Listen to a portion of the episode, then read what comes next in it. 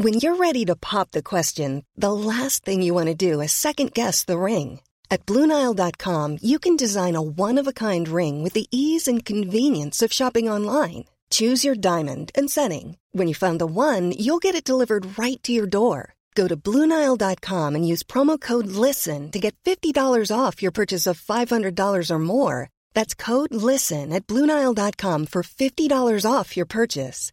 Bluenile.com code LISTEN. Ever catch yourself eating the same flavorless dinner three days in a row?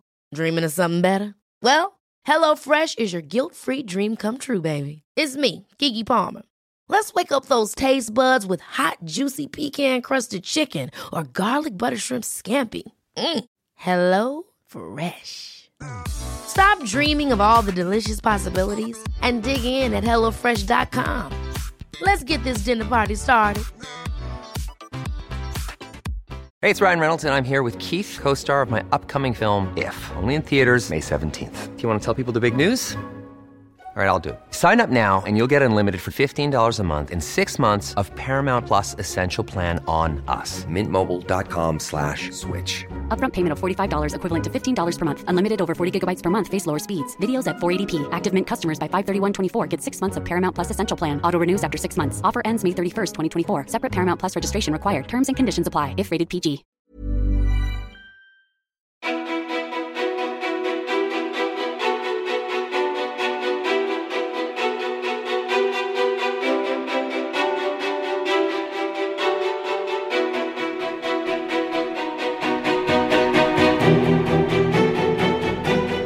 Sjödén känns främst igen som Sjödénsk i mina sociala medier. Hon jobbar som projektledare i mitt företag Peterfia AB sedan snart fyra år tillbaka. Elin är en person som är lätt att tycka om och har något så ovanligt som en grundtrygghet och en genuint stark självkänsla. Hon är, utan att hon ens försöker, en person som sprider enormt mycket glädje och energi till sin omgivning. Och det märks inte minst när hon syns i mina sociala medier. Folk verkar längta efter att få lära känna henne mer.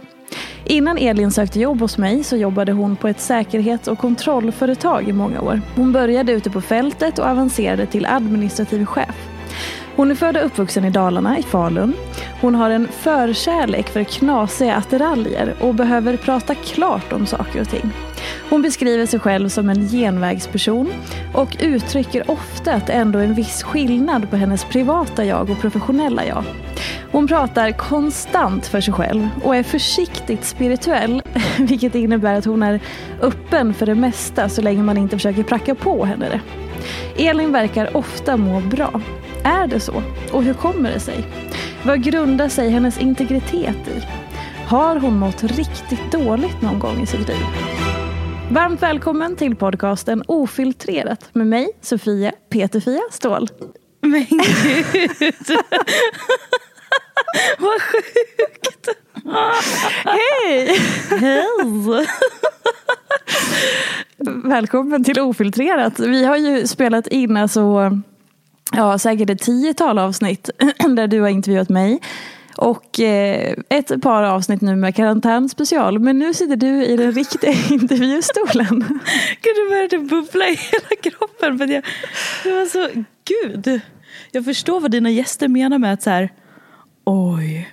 Är det så? Nu, nu var det ju inte mitt CV som du, eller jo, lite mitt CV. Men, Ja. Men gud, vad sjukt.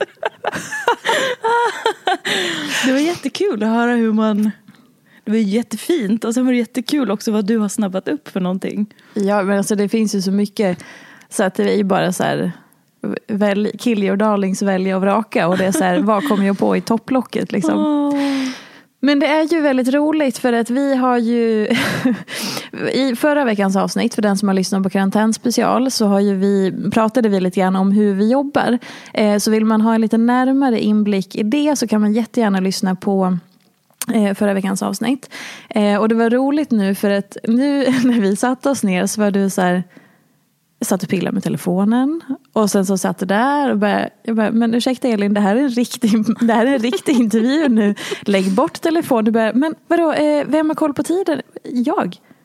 Jag har koll på tiden. Nu sitter du i min båt och jag styr. I vanliga fall är det ju din roll att vara den som har koll och kontroll på allting. Eh, men kan vi prata om inledningsvis, eh, när jag säger ordet kontrollbehov, eh, vad tänker du spontant på då? Eh, alltså spontant, det beror ju på vem, vilken del av mig som du pratar med. Ja. Precis som du sa i introt.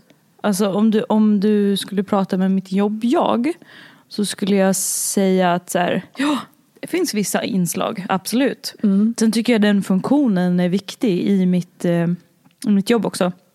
Eh, alltså jag ska ju ha koll och kontroll och dubbelkolla, eventuellt trippelkolla saker. Mm. Ehm, och det känns ju lite fysiskt. Eller så här, det är inte som att jag mår dåligt om jag inte... Eh, om, om, jo, det kan jag i och för sig också. Alltså in, inte så att det är så här att jag mår liksom psykiskt dåligt. Men det kan vara så här... "Ah, kanske ska dubbelkolla den där så att jag ändå kan säga... kolla den där så jag kan släppa den. I mitt jobb-jag. Men om du liksom pratar med mitt privata jag så har jag ju liksom absolut inget kontrollbehov. Skulle jag säga. Sen får man väl fråga min omgivning om det. Vad tror du att din omgivning säger då? De som står dig närmast. Ja, alltså kontrollbehov tror jag man absolut inte skulle, alltså det ordet skulle man inte koppla ihop mig med. Nej. Det skulle inte vara topp ett. Verkligen inte. Jag är ju den som absolut sitter i baksätet. Alltså om, om, om jag ska åka på någon resa med någon, med någon kompis eller sådär. Alltså jag är ju största slackern. absolut. Men det är också för att jag gillar den kontrasten. Ja. Ehm, sen är det klart man, man tar sitt ansvar. Det är inte som att man åker med som ett barn liksom, om man åker på en resa. Men jag är ju 100% inte den som i en grupp eh, liksom vill ta den platsen om det är någon annan som vill det. Ehm, Om någon inte tar den platsen då? Jo men då kan jag ju, om, om jag känner att det liksom att det finns ett önskemål att någon liksom att folk skruvar lite på sig och inte så här ja men, ja, ja men jag kan göra det. Men jag ställer ju mig gärna längst bak i rummet om jag ser att det är någon annan som vill det.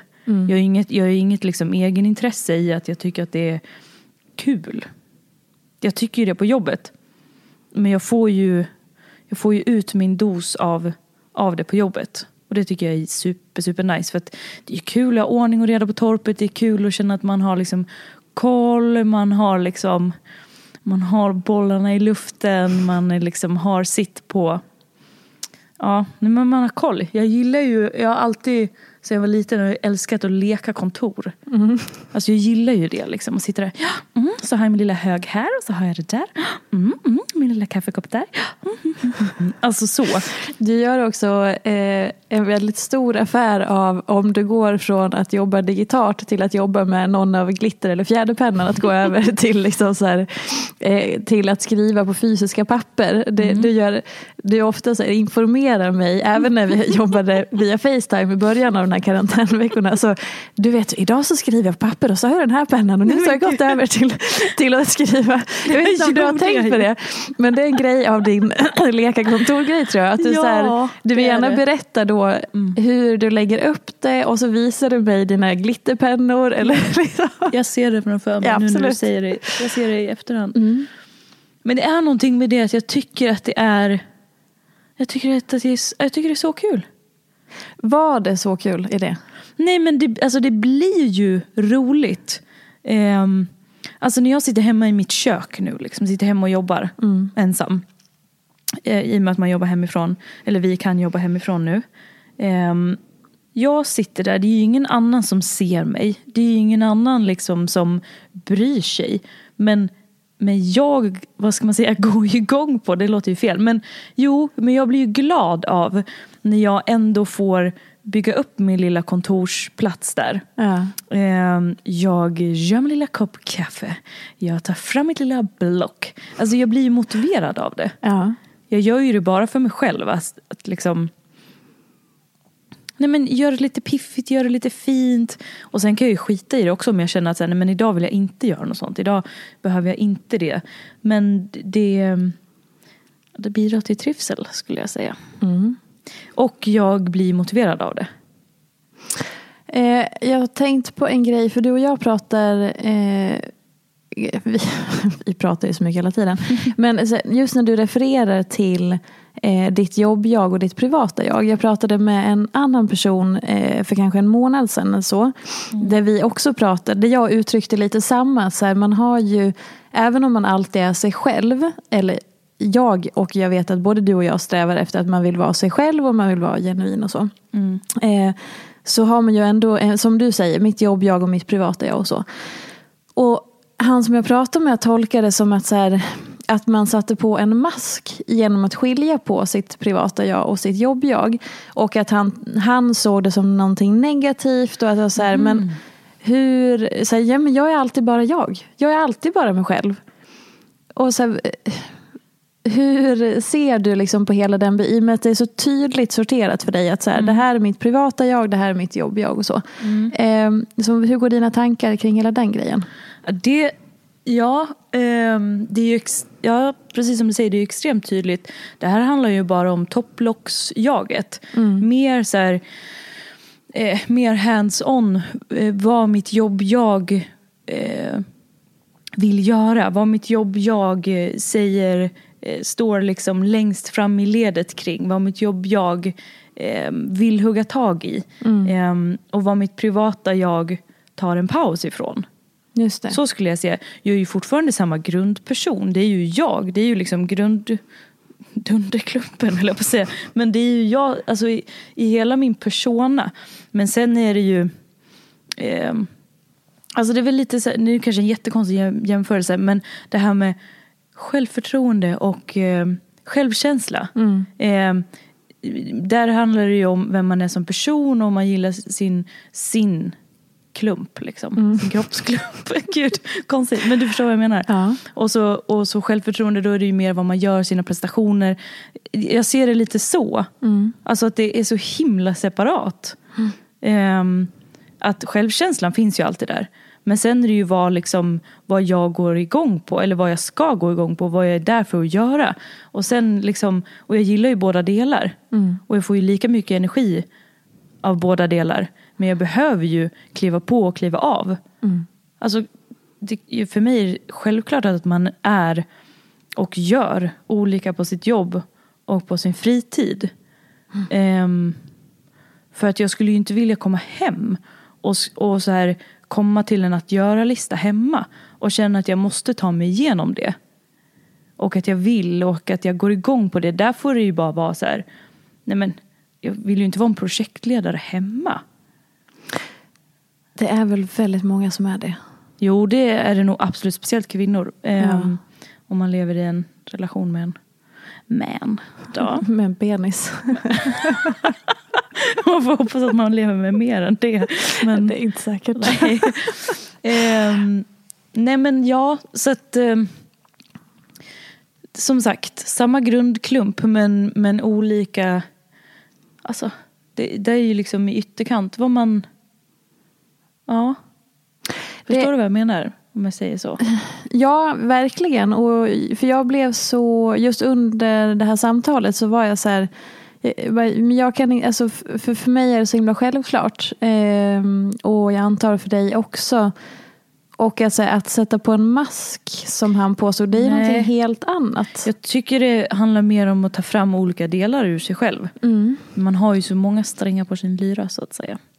Och det är en annan grej som vi har pratat ganska mycket om. Eh, eh, att så här, för båda oss, eller i prat vi har haft många gånger, så är det så eh, tydligt att man sorterar i så här, om du till exempel har tre vänner så är ju antagligen de tre vännerna ganska olika som personer och att du eh, får ut utan, jag menar inte utnyttja, men att man får ut olika saker av de olika relationerna och sådär. Ehm, hur skulle du säga, alltså hela den här sorteringsgrejen, för jag upplever ändå att du är bra på att sortera saker. Vi har ju pratat tidigare i tidigare poddar och innan att så här, du, ehm, vad ska jag säga, du, liksom, du vill prata klart om saker och du sorterar saker. Så har det alltid varit så naturligt för dig? Mm, det kommer ju väldigt mycket från mina föräldrar. Framförallt från min pappa skulle jag säga. Ehm, när jag var, jag tror jag nämnde det i någon, i någon av de här tidigare poddarna. Eller om det var kanske någon live på din Instagram. Eh, men när jag, var, när jag var riktigt liten, så när jag blev sur eller ledsen eller upprörd över någonting. När jag var väldigt liten så var min grej att jag gick och satte mig bakom soffan Mm. eh, hemma. Alltså jag var jätteliten. Kanske, ja men, typ som i Ediths ålder liksom. Kanske lite äldre. Ehm, och så satt jag mig där och ville liksom bara vara i fred och så var en liten surmulent eh, person. Jag vet att mina, min familj kallade mig för Britta Bromskloss när jag gick in i det läget. Och då kom alltid mina, någon av mina föräldrar, ofta min pappa, efter. Och sa att så här, ja, men det är fritt fram för dig, du får jättegärna sitta här. Eh, men om du, du ehm, Eh, Först måste du säga vad det är för någonting, du måste berätta vad du tänker på och varför du är ledsen eller arg eller du måste bara berätta vad det är. Eh, Sen får du sitta kvar. Du får sitta kvar hur länge du vill. Men eh, som barn så ska man inte sitta med sina tankar och känslor själv. Utan att någon vuxen har fått, eh, fått över det till sig. För att som vuxen då kan man, då kan man hantera, liksom, ja, jag vet inte riktigt hur han, hur, hur han la fram det. Men eh, man ska inte sitta med det själv, man måste berätta. Sen får man sitta kvar. Du får fortsätta vara arg eller ledsen på oss och sitta och hata oss här, här borta. Det är ju helt okej. Men du måste berätta vad det är för någonting. Eh, för barn ska aldrig bära saker själv. Ehm, och jag tyckte ju det var så här. Uh, uh. Alltså även när jag var liten så jag, jag störde mig så mycket på det. Ehm, klipp till när jag är typ 8-9 år så säger jag till min, till min bästa kompis Karin, du kan inte sitta med saker själv. Du måste dela med dig. Annars, annars blir det inte bra. Den lilla, vad heter det, lillgamla tönten som bara hatade, nej jag hatade inte mina föräldrar, jag har aldrig hatat mina föräldrar. Men som tyckte att det var så störigt att pappa kom och var på mig när jag var, liksom bara ville sitta där och bara Örjefred! Men jag är ju jättetacksam för det Ja. idag. För att det, jag har ju fått det alltså, marinerat i varenda cell i min kropp. Ehm, jag vet, mamma sa det också någon gång att så här, ja, ehm, pappa han måste ju verkligen prata klart om saker. Alltså, han kunde liksom inte, alltså du vet när man också börjar komma upp i tonåren och bara uh, uh, Alltså det kunde vara saker som inte ens var saker. Ja. Han, han kom alltid upp och ville bara kolla, liksom, kolla av, liksom, kolla läget och verkligen förstå. Ehm, och jag tror att det är det jag vill göra. Jag vill förstå att jag har förstått vad du menar. Alltså om vi skulle ha liksom någon, alltså, det behöver inte ens vara en konflikt, om det liksom är en situation, alltså vad som helst. Jag vill bara se till att alla inblandade har förstått och att jag har förstått din bild och du har förstått min bild, vi har förstått varandra. Och ehm, alltså, jag tycker det är skönt att prata så länge så att det inte finns något opratat. Ja. Allt är liksom, inte bara att vi har förstått varandra utan så här, känns det okej? Och det känns okej för mig nu. Ehm, jag vill också känna att det känns okej för dig. Du behöver, inte liksom, du behöver inte tycka om mig, men känns det okej? Det som vi liksom reder i. Liksom. Så att det har väl liksom, jag, har jag har nog marinerats i det så himla länge.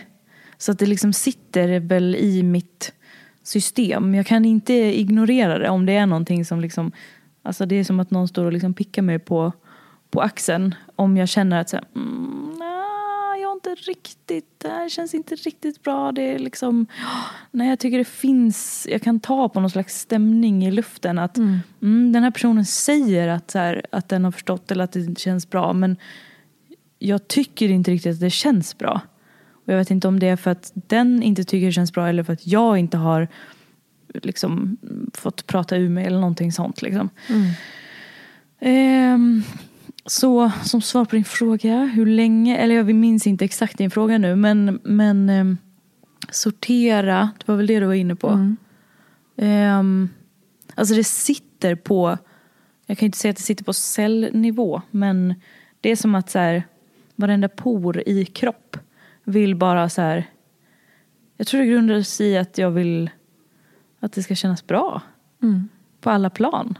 Att, man är, att man är trygg i att det är som man säger att det är. Ja, i Är det- alla möten och i alla liksom situationer. Är din bror likadan i och med att han har växt upp i samma hem?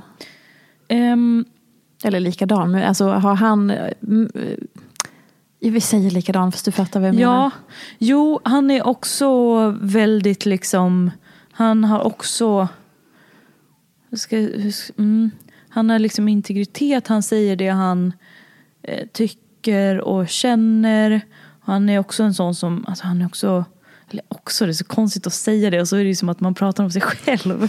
Men han är en sån som eh, folk liksom trivs kring för att man känner att det är ärligt. Liksom. Eh, och han Vi är är, gemensamt för er båda. Det, det som kändes så konstigt, han är också så här. Man bara kan inte säga också. Jo men det är ju så. Jo men ja, ja, ja. Ja. Nej men eh, alltså lugn och trygg och liksom Det är inte så mycket fuzz liksom. Man eh, What you see is, is what you get. Ehm, en annan grej som jag tänker på spontant i så här, vad, eh, jag har en, eh, tänker att alla människor har någon typ av bekräftelsebehov. Eh, och en del människor kanske man kan så här, försöka gissa sig till eller ta på i så här, vad att ja men där är nog dens bekräftelsebehov. Eller man har någon egen analys om så här, vad, vad man har för bekräftelsebehov i alla fall. Eh, men trots att jag har känt dig i snart fyra år så har jag lite svårt att placera vad ditt bekräftelsebehov är. Alltså, jag tror att man såklart, alla får ju bekräftelse från massa olika grejer och liksom hela den biten. Men om man ska så här, specifiera någonting som triggar ditt bekräftelsebehov.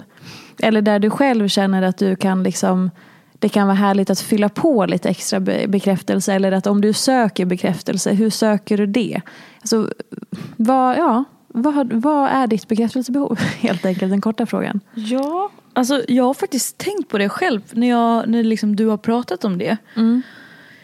Eller när vi har pratat om det också. Och så det tycker jag det är lite intressant att vända tillbaka och sätta sig själv under lupp och bara Jaha, då ska vi hitta mitt då. Ja, Och sen bara Nej, det var noll. eh, Nej, det är klart man blir så här upplyft och glad av saker. Ja. Men alltså jag är beredd att hålla med. Jag tycker ju inte att det finns något så här supertydligt. Um, alltså det är inget som jag sitter och tänker på spontant och bara, ja, men det är ju ändå den här grejen som liksom... Alltså jag har svårt att... Jag tror att det också är så här... Jag tror att det också beror på situation, dagsform. Jag tror inte det är alltid någonting som är så här, som ger en instant kick liksom. Jag tror det beror så himla mycket på. Man behöver ju alltid, man behöver ju mm, liksom, ja man är ju ett flockdjur och sådär då. Eh, men jag är ju inte en sån, eller jag upplever själv inte att jag är en sån som liksom, jag har inte svårt att vara ensam, jag har inte svårt att liksom trivas i mitt eget sällskap. Mm. Om man säger så här då. Eh, när du var i en relation. Eh, För du hade ju en lång relation eh, fram till i höstas. Som var några år gammal. Eh, i en, som en partner. Vad, vad liksom vill du ha på vilket sätt vill du ha bekräftelse från din partner? Ah, det är också så himla blandat. Det beror ju på. Jag har liksom inget så tydligt om man pratar om så här kärleksspråk och sånt där. Ehm, alltså det, det beror nog på liksom dagsfeeling, dagsform. Alltså jag tror att så här, att man blir bekräftad på det viset man känner sig för dagen. Alltså om jag är ledsen eller nere så behöver jag bara få vara det. Om jag är skitsnygg, om jag tycker att jag är skitsnygg, men då behöver jag få vara det. Ehm, om jag, eh, ja, jag vet inte. Och är det samma nu när du är singel? Liksom, eller upplever du att det blir, liksom, om man just pratar om bekräftelse eller så här, uppmuntran eller vilket ord man än nu skulle vilja ha. Men finns det någon skillnad då i hur man kan bekräfta dig eller hur du vill bekräfta dig själv eller fylla på dig själv? Alltså jag tänker att det handlar om så här, för mig är det nog viktigt med energiutbyten tror jag. Mm. Ehm, det, det skulle jag nog säga. Alltså att så här, gud vad, ja, Vad svårt att svara på. Jag, jag tycker ju att det är jättekul att, alltså gud vad jag kommer låta som en så här buskis person. Jag tycker det är jättekul att ha kul. Nej men alltså, Ja, jag vet, det är underbart. jag, tycker, alltså jag var på en synundersökning nu precis innan. Ja. Hade så jävla trevligt med alla, samtliga i personalen. Alltså sånt tycker jag är svintrevligt. Det var, också, det var ju det vi var inne lite grann i förra avsnittet om man, om man vill lyssna på den karantänspecialen också. För det handlar ju där om att du tar, du tycker att det är roligt och då tar ju du ett ansvar i att du också ska få det behovet tillfredsställt genom att du bjuder till. Ja. För hade du gått på synundersökningen och bara varit, Mm. det hade ju inte varit så roligt. Det hade ju bara blivit en helt, helt vanlig synundersökning. Ja, och vissa dagar känner jag verkligen för det. Mm. Alltså um, verkligen och vara en lite, alltså vara en tapetblomma. Och bara vara helt liksom, och bara få vara. Ehm, inte, inte varje dag. Det händer inte ofta men ibland är det jätteskönt att bara få så här. Hmm. Det, det, det, tycker jag om att bo i Stockholm också. Man är, man är ju lite anonym. Så man kan ju välja. Tycker jag är svinskönt. Men om jag känner så här. Woho! Idag vill jag ha ett energiutbyte. Då är det ju svin-nice att liksom kunna hitta folk och mötas i det. Sen, sen tror jag inte att jag känner någon så här. Jag blir ju inte. Jag känner ju ingen, vad ska jag säga, stolthet eller vad, jag vet inte om det är rätt ord. Men om det nu skulle vara så att jag inte fick det mötet till, bemötandet tillbaka från någon på synundersökningen nu. Då skulle jag ju inte så här, jag tror inte jag skulle tänka på att det var något som saknades. Alltså allt. Eller att du typ hade presterat dåligt i Nej, den stunden. nej, precis.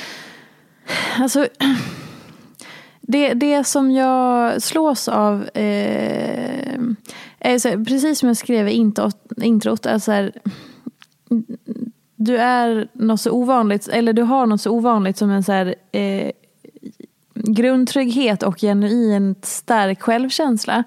Eh, vilket man ju framförallt får credda dina föräldrar för. Eh, och att du har anammat det eller tagit till dig det och vårdat det under dina år som eh, snart 30-åring. 30-åring. Eh, men jag tänker också på så här, hur otroligt ovanligt det är. Att man, jag tror att det är därför många som kommer i din närhet och träffar dig blir så här, vill vara där. För att det är tryggt. Ja, men det, jag säger inte det för att hylla dig på något sätt. Utan att Blir det lite bara... generad här. Ja, jo men jag vet. Men Känner för mig att, lite sad. Ja, varsågod det ska du ha. Nej men för att det är, så här, det är fasen inte vanligt att man träffar, men man kan träffa människor som Eh, som har gjort en resa för att komma till eh, liksom, en annan plats. Kanske jag själv som exempel som absolut inte kommer från eh, stark självkänsla men jag har jobbat mig till en plats där jag upplever mig vara väldigt trygg och ha, ha en starkare självkänsla idag. Och sådana finns det ju massor av. Men att träffa människor eh, som liksom bara har det som du säger i cellnivå det är fan ovanligt. Och det är, om man liksom kliver utanför både dig och mig och alla oss individer så är det så jävla tragiskt att det ska vara så. Men för, för jag, jag upplever att det verkligen är någonting ovanligt. Det är inte, som bara jag tänker på mina gäster i podden här till exempel. Nu är ju namnet så ofiltrerat för att man ska prata om saker och så. Som kanske man delar med sig av något mörker eller något djup eller man har svårigheter eller så. Och alla de som har gästat, nu är det ju kanske, vad är vi på, 80, snart 90 personer. Ett par, jag vill säga 80 då. Och alla de har ju någonting som de har kämpat med som kan någonstans, kanske de flesta kan grotta ner sig till, inte en grundtrygghet eller till en skadad självkänsla eller så, inklusive mig själv. För att vi är väldigt många som har fått kämpa med det eller tampas med det. Ehm, och därför så blir det, och det är lite som att säga, hela samhället någonstans, man utgår ju alltid därifrån också. Så då blir det ju lite så här, eh, vad ska jag komma till det här då? Jag, jag tycker att det är, Jag är ett unikum. ja, det var exakt det jag ville säga. Men jag visste inte hur jag skulle säga det. Nej, men alltså så här, det är därför jag också så här creddar dina föräldrar så många gånger eh, på olika sätt och även dig. Eh, för att det är väldigt, eh, det är fantastiskt att se att det finns. Och eh, jag vill, man vill ju såklart ge det till sina barn och så. Ehm, Ja, hur, hur, vad tänker du när jag bara har den här långa utläggningen om att eh, majoriteten har så otroligt dålig självkänsla? Mm. Ja, alltså jag förstår vad du menar. Och jag kan väl så här, i och med att jag, jag är ju jag. Mm. Och jag vet ju inget annat. Eh, Jo, det är klart jag vet annat för att jag är ju liksom en, en Du person är inte en som... psykopat. Nej, jag gillar ju att prata med människor. Jag vill veta hur folk mår. Jag tycker det är liksom... ehm, det, det är klart man kan sätta, in, sätta sig in i hur folk har det. Och liksom man vet ju vad ens vänner går igenom, har gått igenom. Liksom. Och jag tror att det är det som också gör att jag känner så jävla tacksamhet. Gud vad jag mm, tar ju fram svordomsbibeln här, svordomspaketet.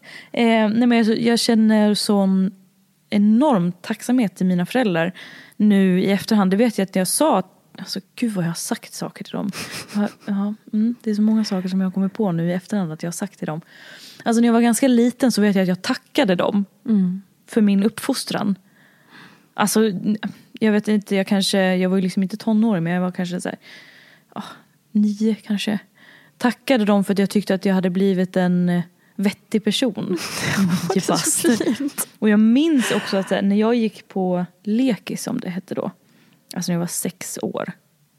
Sex år och när jag var åtta år i ettan då, minns jag att jag tänkte i huvudet så här, mm, jag förstår, folk har ju sagt åt mig att så här, ja absolut jag förstår att jag kommer bli klok och jag kommer liksom lära mig fakta och sånt där men den här Alltså, ja, jag känner mig ganska grundbakad redan nu. Alltså, vet, jag tänkte det, men det, det sa jag ju inte för att jag förstod att det skulle vara typ lite ignorant mot äldre personer att säga så. Att så här, ja, ja, ni har varit med om saker, men jag är sex år och jag, ja, jag har mitt på det torra.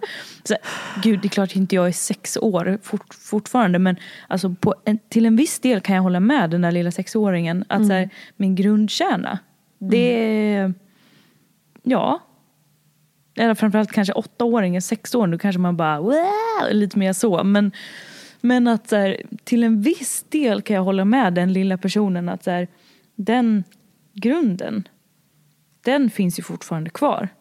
Sen lär man ju sig saker, alltså det gör man ju varje dag liksom. Och så här, får nya insikter och lär sig av det självklart. Men den liksom grund, mm, grundbulten, den den är nog, den har varit densamma väldigt länge.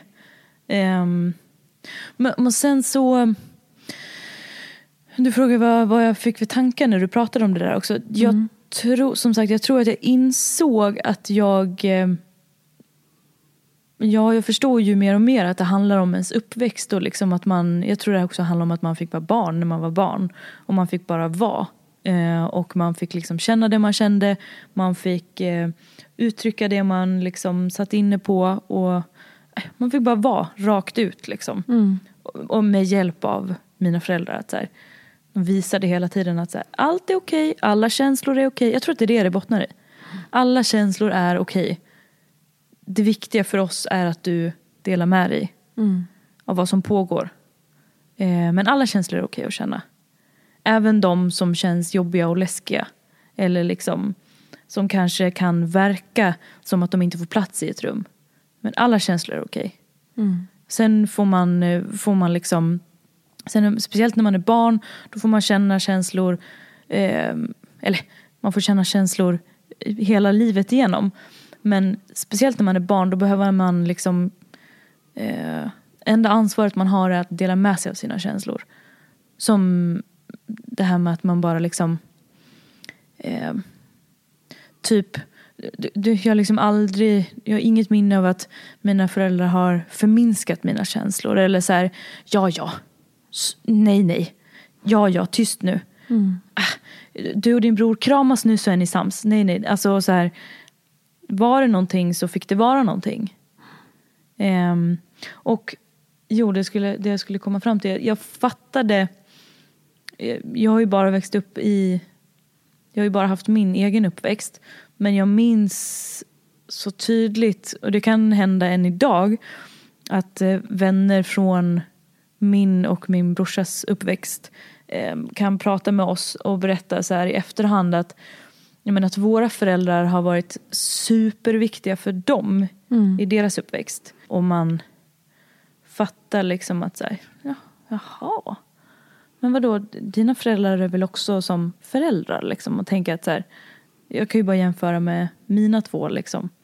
Som alltid liksom har, har funnits där på det viset. Men, så det tror jag fattade också ganska tidigt. Jag tror det var därför jag också sa en sån sak när jag var nio. Tack för att ni har varit mina föräldrar och bakat ihop mig till en ganska bra person. Alltså, man hade väl liksom känselspröten på. Så jag fattade att okej, du ehm, får inte riktigt finnas hemma i ditt hem som du finns till exempel i vår kompisrelation nu. Alltså jag har alltid haft väldigt nära vänner också som nästan har varit som syskon liksom. Och då vet jag att jag speciellt sa till en nära vän, jag tyckte att, att, ehm, att hon behandlade mig lite orättvist. För jag tyckte att jag fick oförtjänt skit att så här, men det här, du är ju egentligen arg för någonting som din mamma sa eller din pappa sa. Men varför har inte du sagt det till dem? Får inte det plats där hemma? Vad vill jag säga med det då? Jo, nej, så att... ehm, ja. ehm, den grejen att märka av att, att ehm, föräldrar, bara för att man är förälder på pappret så, så betyder det ju inte att man är föräldrar som man önskar till alla barn. Eller vad man kan säga. Och den grejen, det har jag ju också fattat att hur liksom ens uppväxt, hur det kan baka en på olika vis som person. Växer man upp i ett, i ett hem där man har bakat åt ett visst håll eller så här, att vissa håll kanske har stängts eller liksom det har varit en, en tydlig plats åt en och sen har det varit lite så här, lite stängt där. Då är det inte så konstigt att man behöver baka om sig som vuxen tänker jag liksom. Ehm, ja, jag är ju bara svintacksam att jag inte har behövt baka om hela livsplåten från scratch liksom. Jävligt bra liknelse. Ja, jag vet inte ens vad jag sagt den senaste halvtimmen känns som. Nej, men det är bra. Men- Life is full of what ifs. Some awesome, like what if AI could fold your laundry? And some, well, less awesome, like what if you have unexpected medical costs? United Healthcare can help get you covered with Health Protector Guard fixed indemnity insurance plans. They supplement your primary plan to help you manage out of pocket costs. No deductibles, no enrollment periods, and especially no more what ifs. Visit uh1.com to find the Health Protector Guard plan for you.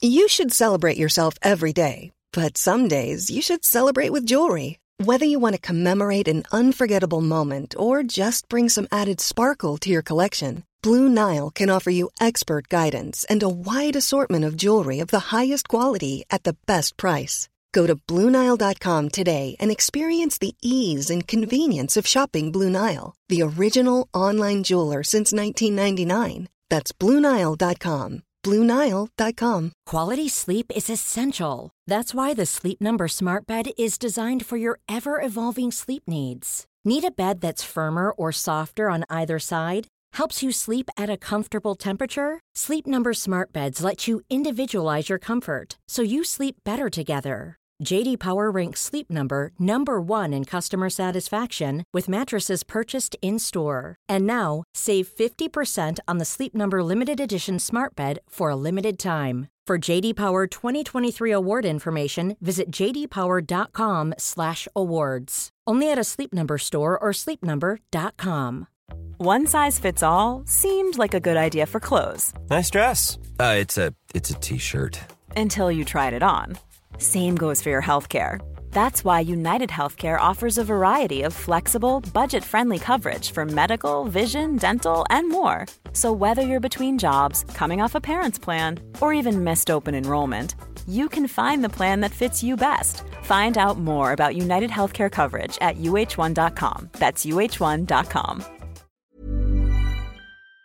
Men, Ehm, men en annan grej ehm, som jag också försökte så här, eh, starta igång eh, hos en person som jag pratade med eh, i ett jobbsammanhang. Eh, som jag upplever att du har väldigt naturligt. Eh, och som jag själv också har naturligt men som jag lätt stänger av. Eh, vilket jag inte tror att du gör på samma sätt. Det är liksom den här eh, dialogen med sig själv hela tiden. Mm. Eh, liksom både från kroppens signaler till integritet. Så här, vad är okej okay för mig och inte? Det här är mitt space. Eh, vad vill jag? Vad säger magkänslan? Och liksom, om man ska liksom koka ner allt det som kan vara det lilla till ett Eh, ja tack, det vill jag gärna. Eller nej tack, det vill jag inte. Till att eh, vilken väg ska jag gå nu? Eller nu borde jag byta riktning i livet. Alltså stort som smått. Mm. Eh, jag tror ju verkligen att vi mår väldigt, väldigt bra av att ha den liksom levande konversationen med oss själva. Eller dialogen eller vad man nu ska kalla det för. Mm. Ehm, och jag vet att det sitter ju liksom också i dig på en cellnivå skulle jag vilja påstå. Får jag påstå det? Ja. Kan du berätta lite, eller ge oss, jag vet ju till exempel, om vi, så här, eh, innan du började jobba för mig mm. eh, så hade ju du ett annat jobb under sex år. Mm. Och det var ju väldigt lång tid och det utvecklades väldigt mycket och sen en dag så kom det ett budskap från hela dig. Kan du dra den? För den tycker jag ändå är en så här, ett väldigt tydligt exempel på eh, när man har en fungerande dialog med sig själv och när, den, när någonting säger till en, någonting som också är väldigt läskigt kan det ju vara. Mm. Och så väljer man ändå att lyssna på det. Mm. Please, enjoy. Ja, eh, på mitt gamla jobb då. Jo, jag hade varit där jättelänge och lärde mig så himla mycket och trivdes jätte, jättebra. Hade superfina, härliga kollegor. Jag blev liksom väldigt sedd av min chef, fick testa nya saker, alltså utvecklades väldigt mycket liksom. Eh, tyckte alltid att det var Alltså, jag har ju liksom aldrig haft söndagsångest efter, inför att gå till jobbet. Liksom. Eh, och aldrig liksom tittat på klockan och bara, men gud, är det 17 timmar kvar? Uh. Jag minns ett tillfälle då när jag tittade på klockan och faktiskt då så här, oj, men gud, istället för att det var så här, oh my god, det är bara en timme kvar, hur kan, te, hur kan Dana bara rosat? Till att så här, oj, men gud det är tre timmar kvar. Och då, i det läget är jag en sån som så här, zoomar ut lite och bara, oj, hallå, hur såg du precis på tiden? Mm. Hmm, det här är intressant. Varför blev det så här? Hur, okej, okay, vad känner vi kring det här då? Är det här något, något litet tecken att titta på liksom. Sen så lägger jag inte så stor värdering, alltså jag liksom gör inte världen så här Oh my god, kalla till stormöte nu på en gång, det här var kaos. Alltså det är inte som att jag så här eh, lägger någon liksom tyngd på mig själv att säga oj nu jävlar måste vi göra någonting åt det här för nu, nu var det någonting som hände här. Utan det är bara så här oj noterat, uppsnappat, arkiverat. Mm. Markering i arkivet. Så. Eh, och sen tror jag att det är så här, sådana grejer kan liksom starta lite i mig. Mm. Sen måste saker verkligen mogna. Och saker liksom, eh, ja, det, liksom, det, måste gro och det måste få göras på mitt sätt och det måste liksom få växa. Och Förlåt det, att jag fnissar men så är det verkligen. Ja men det är verkligen så. Det måste, jag har verkligen så, för när det väl, oh, äh, men då, då är det ju så så att det liksom är, ja, som då hände sen. Jag vet inte hur lång tid senare det, det var men jag var ju på ett, eh, ja, jag får berätta precis hur det var då. Jag var ja. på ett eh, jag var på ett soul cycling pass, absolut. För de som inte vet är det ett uh, spinningpass med spirituella inslag. Nej men det är ju en, en uh, chaufför, höll jag säga. En instruktör som står längst fram och skriker ut You can do it! You can do it! If you only put your mind to it! Woohoo! Alltså sådana... En chaufför som skriker ut You can do it! ganska så... såna, I neonfärger. Absolut, så, ganska sån carpe diem-stämning ja. i lokalen. Eh, och jag var där med ett eh, ganska nytt eh, tjejgäng som jag hade precis, ganska nyligen lärt känna. Eh, och vi testade massa olika träning, träningsformer runt om i Stockholm och vi var, var liksom sådär härligt. Woho! Det var liksom tidig, en tidig, men typ tisdag morgon. Så var vi inne i den där lokalen då. Och det ska ju tilläggas att jag är ganska skeptisk till, vad heter det, cykling, spinning och sånt där. Eh, tycker inte det är jättekul. Men mm, den klassen var, den var rolig. Så minns jag i slutet av klassen, då sa den här instruktören någonting om att så här, nu andas ni in, eh, ny energi och ut. Nej, det, det här lät, nej, jag tror inte hon sa det. Jag tror hon sa någonting bättre. Och eventuellt pratade hon engelska också. Men någonting att så här, eh, idag gör ni allt det ni vill göra. Eh, in med allt det ni vill. Ut med allt ni inte vill. Alltså, ja, någonting sånt. Lite Eh, hallelujah moment för dig. Hallelujah moment. Nej men så här, just den dagen, det var väl, jag hade väl redan bestämt mig någonstans Ja. utan att jag visste om det. Ehm, men så bara, ja, och så i kombination med det här tjejgänget som vi, var- vi liksom bara så gav varandra så himla mycket energi. Kom ut från den här spinningsalen och bara, hm, tjejer, hm, hörde ni vad hon sa? Jag ska ge mig allt jag vill ha idag. Mm, först ska jag gå över gatan och ska jag unna mig lyxkaffe från Pascal. Sen ska jag åka och säga upp mig. Mm, jag ska göra allt som jag vill idag. Och de här tjejerna bara, ja ja, mm, gå och köp din kaffe du. Ja. Eh, och sen träffades vi morgonen efter också på en annan ny träningsform. Så bara, tjejer, jag gjorde det jag sa. De bara, ah, du gick och köpte ditt kaffe. Jag bara, nej, eller gjorde ju det också. Sen åkte jag och sa upp mig. Alltså det var bara någonting som var så himla starkt att så här, oj, nu, Ja. nu kör vi. Jag är klar på det här stället. Så som jag har känt varje dag jag har åkt hit, så ska någon annan känna nu. Jag, har, jag har gjort mitt här. Jag, att jag börjar titta på, att jag börjar se på tiden på ett annat vis. Nej, men är ju, då är det ju för att jag inte uppskattar mina timmar här. Och då ska ju någon annan ta min plats nu. Jag är ju klar. Jag har fått jätte, jag har fått möjlighet att utvecklas och få ta nästa steg och nästa och nästa och nästa och nästa och har velat gjort det. Men så var det ju så tydligt att det var liksom en brytning. Ehm, så då gick jag och sa upp mig på dagen och så sa, frågade min, min chef, han bara, ja vilka är det som har, vilka är det som har tagit dig? Jag bara, Robert, det är livet. Det är livet. Han bara, vad är det du säger? Du har alltså, va? Hallå? Du vet inte vad du ska göra härnäst? Va? Robert, livet är ett smörgåsbord. livet är ett smörgåsbord. Du är sjuk i huvudet, men jag uppskattar det. Ja. Så så var det med det. Nej men det var så tydligt att ja, nu är jag klar. Nu blir det bäst för alla inblandade. Att någon annan kliver in, jag ska vidare på något annat. Min plats är inte här längre. Och om jag fortsätter att vara kvar här, det kommer inte vara schysst mot någon. Inte mot företaget, inte mot mig själv, inte mot den som skulle kunna ta den platsen. Nej, det är klart. Vi har gjort vårt för varandra. Och lite så... Det var den korta historien. Ja, men verkligen. Men, eh, och sen så lite så är väl du liksom på flera punkter i din person. Även om man nu får ta en liten usväng in på privatlivet. Eh, så var det väl lite, liksom, ung, nu, det går ju såklart inte att jämföra en kärlek och ett jobb.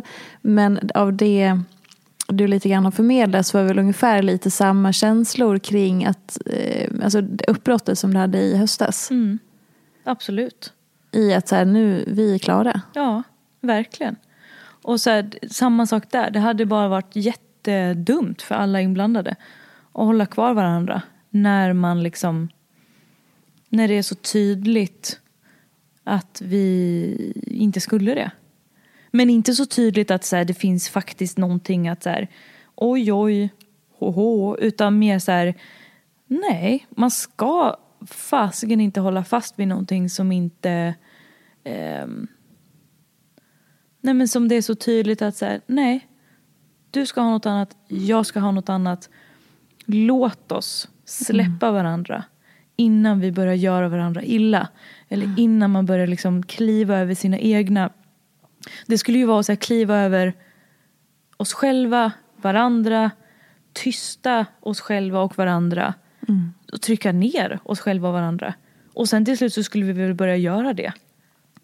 För att man skulle sitta där och bara "Ugh." Och så skulle man börja bli elaka mot varandra. Är inte det ett händelseförlopp som är så vanligt? Jo, det tror jag absolut.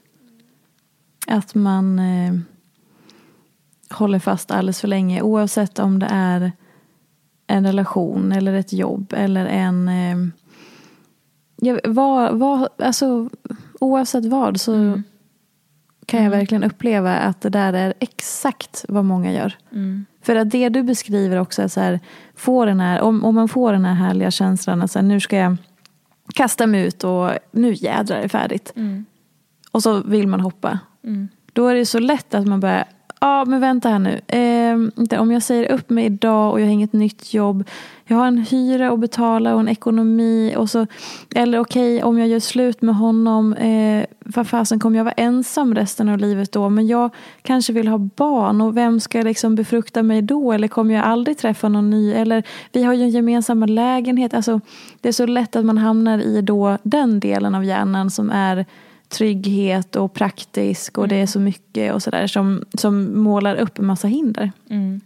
Händer inte det för dig i den situationen? Eller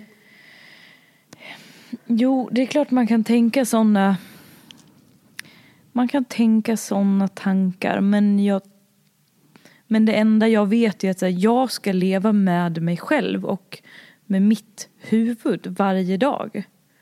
Det är det enda jag vet. Alltså det, är- det är ju liksom det enda, det enda, det enda, det enda jag vet. Och om jag ska kunna leva med mig själv och mitt huvud så måste ju jag måste ju behandla mig och mitt huvud väl. Alltså jag, jag kan ju liksom inte jag kan ju inte fortsätta leva varje dag och gå emot mig själv. För då skulle jag ju sluta leva. Mm. Alltså då skulle jag ju då skulle jag ju behöva bli tom. Då skulle det ju vara mitt skal. Då skulle det inte vara jag som sitter där. Då skulle det ju vara min liksom, kroppshydda. Men inte jag. Gud, det är så vanligt. Jag säger bara så här, för, och jag kan ju relatera till det så mycket själv. Det är därför jag också kan sitta och säga åh det är så vanligt. Ja, men för att jag, jag relaterar i allra högsta grad. Alltså inte till det du, jo, till det du säger också. Men också till den mardrömmen som du beskriver. Som jag ändå upplever att det har varit när jag själv har varit i de eh, stunderna. Eh, men jag vet också att dina vänner har ibland irriterat sig på dig för att du är så här, men vad fan det löser sig när du typ har stått utan boende och du ändå har någon så här, det löser sig mentalitet. Men det, den som man kanske då kan irritera sig på är väl också någon så här grundtillit till sin egen förmåga. Att bara säga, man får väl lösa det som behöver lösas då. Absolut. Ja, det tänkte jag faktiskt också säga att jag har ju någon slags precis grundtillit att så här, äh, men jag vet att jag är en bra person att anställa. Sen är det väl bara mm, så här, sen ska ju bara rätt Ja tack, det är du. Känner mig hotad. Nej, nej men alltså så här, jag måste ju tro att jag är en, en guldklimp. nej men alltså så här, om inte jag tror det, ja. eller så, här, så, så är det för mig i alla fall. Jag måste ju liksom lita på att så men jag är ju bra. Sen, eh, sen så, de som, de som jag möter som ska upptäcka det kommer ju upptäcka det. Men det är också en tillit Ja, i det. alltså så här, det jobb jag ska hitta fram till eh, då när jag hade sagt upp mig. Eller den plats, jag visste inte om jag skulle plugga eller resa eller vad fasiken som helst. Men så här, jag litar ju på att det kommer komma till mig. Och inte att jag sätter mig på min kammare och stänger dörren och tänker ja, det kommer komma ett mail. Utan så här, jag har väl de spröten utåt, öppna liksom. Ehm, men jag tror inte jag går in i panik i, i kubik i liksom men jag tänker att det löser sig. Sen är det väl så här, jag fattar att jag också har liksom eh, alltså jag har ju det liksom, jag har ju en trygghet att jag har föräldrar som alltid, jag skulle alltid kunna åka upp och bo hos dem. Jag skulle liksom, jag har, jag har vänner, alltså Den sortens, jag har ju också råd. Eh, jag har ju ett skyddsnät liksom. Jag har ju råd mentalt att säga upp mig för att jag känner mig trygg i min vardag. Och trygg i min person liksom. Jag, det fattar jag också att liksom. Ja, har man inte liksom ett skyddsnät runt sig så kanske det liksom. Det är klart man inte gör något förhastat liksom. Fast det, det är ju inte det jag gör heller utan så här. Det handlar väl bara om att ta ansvar för sin egen trivsel. Alltså bara se till att man fortsätter må bra, se till att man fortsätter, för då gör man ju ett bra jobb, då liksom, ehm, ja jag vet inte. Men just, ja precis, nej men som du säger, det handlar väl också om att man, man, man litar på sin egen förmåga att säga, men jag löser det. Och jag tror heller också så här, jag är ganska, jag är ganska prestigelös, alltså så. Det är ju så här, ja, skulle det vara så nu, nu har det ju som sagt då löst sig väldigt bra med när jag stått utan boende. Då har det liksom så här, ja, kommit in något höger vänster på slutet och ja, perfekt. Skriver de där, har det gått, hej. Men jag skulle inte heller ha några problem att så här, eh, hyra in mig någonstans på någon eh, halv soffa. Eller jag skulle inte ha något problem att så här, eh, ta vilket jobb som helst. Alltså, ja, det blir väl bra. Alltså, ja. Och blir det inte bra, nej men då testar man något annat liksom. Tänk, eh, tror du, alltså om man tar bort hela den här grejen med att eh, eh, med vilken så, grundtrygghet man har eller inte har eller självkänsla och hela den biten. Finns det någonting i att så här, allting är på liv och död hela tiden? Så att man liksom blir rädd för att testa saker för att man lägger så mycket allvar i allting. Jag har en vän som skrev häromdagen att så här, jag måste, nej nu jävlar tänker jag sluta upp med det här med att försöka vara vuxen. Hon, bara- hon var så trött på sig själv. Hon bara, nu har, jag, nu har jag levt i så många år och betett mig som jag tror att man ska bete sig när man är vuxen. Nu är det slut med det. Och jag tänker att det finns kanske någonting i det där. Att man mycket man fångas i sina rädslor över, för det du beskriver är ju ändå ett väldigt avslappnat förhållningssätt också till livet. Till mångt och mycket. Absolut. Ja, det, det ja, kommer väl kanske föräldrarna in igen då. Mina föräldrar har ju så här, Kan de snälla komma hit och gästa på den sen? Alltså, och sen, de, de är ju inga så här helgon liksom. De är, ju, de är ju vanliga parenteser liksom. Alltså parents. Om det var, de är inga parenteser så utan men ja. Mm. Nej men de är ju vanliga föräldrar i mina ögon liksom. Ehm, de är ju inga livsproffs. Eller jo, de är väl sina egna livsproffs. Men ehm, alltså jag tror också där att så här, mina föräldrar har också visat att eh, ja, man kan göra vad som helst. Alltså, min pappa till exempel, igen då. ehm, han är utbildad journalist i grunden. Men, och så gjorde han det massa, massa, massa år. Sen så fick han feeling och utbildade sig till behandlingsassistent. Och så var han med och byggde upp eh, ett hem för ensamkommande flyktingbarn i, där eh, i Falun. Och sen så, men sen när han hade gjort det några år men då kände han sig klar med det och då åkte han ner till Skåne och bodde på internat, gick författarlinje. Alltså du vet så här, eh, Och ja, han drog väl upp medelåldern där nere i i Skåne på internatet med 70 000 år. Nej, så gammal är du inte pappa. Om du lyssnar på det här, jag tror inte du gör det men Det är klart han kommer. kanske. Men eh, nej men alltså, ja han var väl, ja om han var 50 då kanske. Ja. Och jag menar, Ung. 50 år ung. Ehm, och min mamma också, hon... eh, Mitt sista år på gymnasiet så gick hon... Eh, hon har jobbat på, på, på samma jobb i ja, men väldigt många år. Ehm, men däremot tog hon ett sabbatsår och gick på dansinternat utanför Uppsala ett år. Ehm, och så här, Och då bodde ju de också isär då såklart i och med att de, hade, Ja. de var gifta men fortsatte ju vara tillsammans. Precis, så hon kommer väl hem på helgerna liksom och sådär. Och samma sak pappa eh, när han bodde i Skåne då ett år. Eh, jag tror att det är väl det att de har väl visat att det är så okej att liksom göra olika saker och ändra sig och eh, lyssna på sig själv, stötta den andra. Mamma är ute och dansar jättemycket, pappa spelar musik men han är också en ganska så här hemmakuf liksom. Och mamma tycker också att det är jätteskönt att vara hemma när hon är hemma. Och sen tycker hon det är jättekul att vara iväg när hon är iväg. Och de liksom åker iväg och gör saker tillsammans och var för sig. Och, ehm, men, men att han... Alltså, det hade väl kanske varit lätt för honom att bara, nej men nu är jag journalist. Mm. Och där var det punkt. Eh, och jag tror det här med att mamma är iväg och dansar, jag tror inte hon dansade när hon var ung. Jag tror att hon hittade det när hon var lite äldre.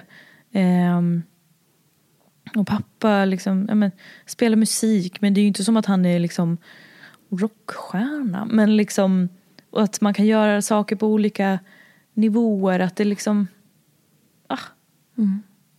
Man kan väl gå lite på feeling. Det behöver liksom inte vara ett sätt man ska göra saker på. Att där ska man göra det, då ska man göra det. Eller när man är så här, då är man så här. Jag tror också typ, mamma har varit ganska liksom eh, så här, knasig. Alltså, det, jag vet inte, det är ganska lekfullt liksom. Tror jag. Det har jag inte tänkt på, men jag antar det. De har ju varit vuxna på det sättet som jag vill ta med mig. Hur då? Alltså det här med att här, ta ansvar för sig själv. Mm. Så, det är väl det som är vux, liksom vuxet och viktigt för mig. Och framförallt om man skulle få barn, att så här, förmedla det vidare. Att jag är vuxen, jag kan liksom eh, hantera dina känslor. Alltså det liksom. Men och sen så här, resten av att vara vuxen, det får man ju bestämma själv. Det finns ju ingen vuxen... Det är inte som att så här, när man, dagen man fyller 18 så bara, nu har du klivit in i vuxenskolan. Här ska du få göra ett prov, sen är du licensierad vuxen och då måste du bete dig därefter. Så det finns ju inget så här, nu, nu är det så här man gör. Man får ju göra hur man vill. Hur man vill. Alltså jag menar, om jag tycker det är liksom sköj med glittriga saker. Ja, då är det sköj med glittriga saker för mig. Klipp till Elins plånbok som är en paljettprydd korv med bröd med ketchup och senap. Och sån glädje den ger mig varje dag. Ja. Nej men alltså, det, ja, jo, så att jo, det är nog superenkelt att falla in i att så här, så här jag kan väl också tänka liksom, ehm, jag, jag sa väl säkert sådana saker när jag satt på mitt förra jobb. bara, "Åh, ehm, jag tror kanske till och med att jag pratade med min pappa om det. Nu fick jag en sån minnesbild. Att här, ja nej men jag vet inte riktigt vad, för jag har liksom inte pluggat någonting efter gymnasiet. Jag har inte pluggat på högskolan eller så. Och så bara, men man kanske skulle göra det och så bara, ja. Fast nu har jag ju lite valt yrkesbana. Och så vet jag att min pappa tog mig ner mig lite på jorden och bara, ursäkta. Du är 21, 21, 21, 22 år liksom. Ja. Jag gick och pluggade för en kvart sedan. Och jag ska åka ner till Skåne. Alltså jag minns inte exakt när det var liksom. Men att han var så här, va? Du föddes ju typ igår. Sätt dig ner i båt. "Mm, Okej då. Alltså inte på ett ignorant sätt, liksom, Ja, inte ja. förminskande. Men bara så här, men hallå. Bara för att du liksom, bara för du eh, är, har fått liksom eh, testa på att ha ett jo- jobb du trivs jättebra med. Så liksom, ja, det utesluter ju inte någonting annat. Jag bara, okej då. Mm, Bra. Alltså, det får bli slutsatsen för vi måste börja avrunda det här. Eh, och det vi kan ta med oss då, precis som du sa, alltså bara för att man har valt någon gång någonting. Jaha, men välj igen då. Välj på nytt, välj någonting annat. Vi kan ta med oss väldigt mycket fint eh, från det vi har pratat om. Eh, men väldigt fin avslutning. Du, en supersnabb svar på eh, min vanliga fråga. Vad är inte som det ser ut? Oh my gosh. Jag, om jag hade tänkt efter hade jag ju fattat att den här frågan skulle komma. Ja. Vad var det första du tänkte på? Blåbär. Eh, Okej, amerikanska blåbär eller? Så är Ja. stora. Tack Elin Sjödén! Ingen förklaring. ja, ja. Det var ett, ett, ett djupt svar, det uppskattar vi ofiltrerat. Amerikanska blåbär. Men Martin, blåbär. Martina Thun tänkte på apelsin så du, det är okej. Oh God. Ja. Men du, det kommer ju bli en uppföljning lite längre fram på det här, det vet vi ju alla. Ehm, tusen tack för att du ville släppa in oss i livet. Jag hoppas att ni som har lyssnat känner att ni har fått lära känna Elin ännu lite mer. Ehm, om inte annat så dyker hon ju upp på Instagram med jämna mellanrum. Vill du avsluta med någonting? Känner mig naken. Det är bra. Du är påklädd ska vi lägga till för protokollet för de som tror att vi har en romans. Det är ju fortfarande... Ja, ja. Ja, jag skojade bara. Gud vad sjukt det här var. Det känns som jag pratat i tre sekunder. Ja. Fast jag känner det i min hals. Det är tört. Gud vad bra. Tusen tack för att ni har lyssnat och vi återkommer igen nästa vecka. Antagligen inte med någon gäst i och med att det är speciella tider. Men eh, den som lever får se. Puss och kram. Hej då! Följ mig gärna i sociala medier. Jag heter Peterfia på Instagram och bloggar på peterfia.se. Vill du komma i kontakt med mig så gör du det på info.peterfia.se. Jag vill rikta ett stort tack till Acast för studie och stöttning och ett stort, stort tack till geniet Elin Sjödén som klipper den här podcasten.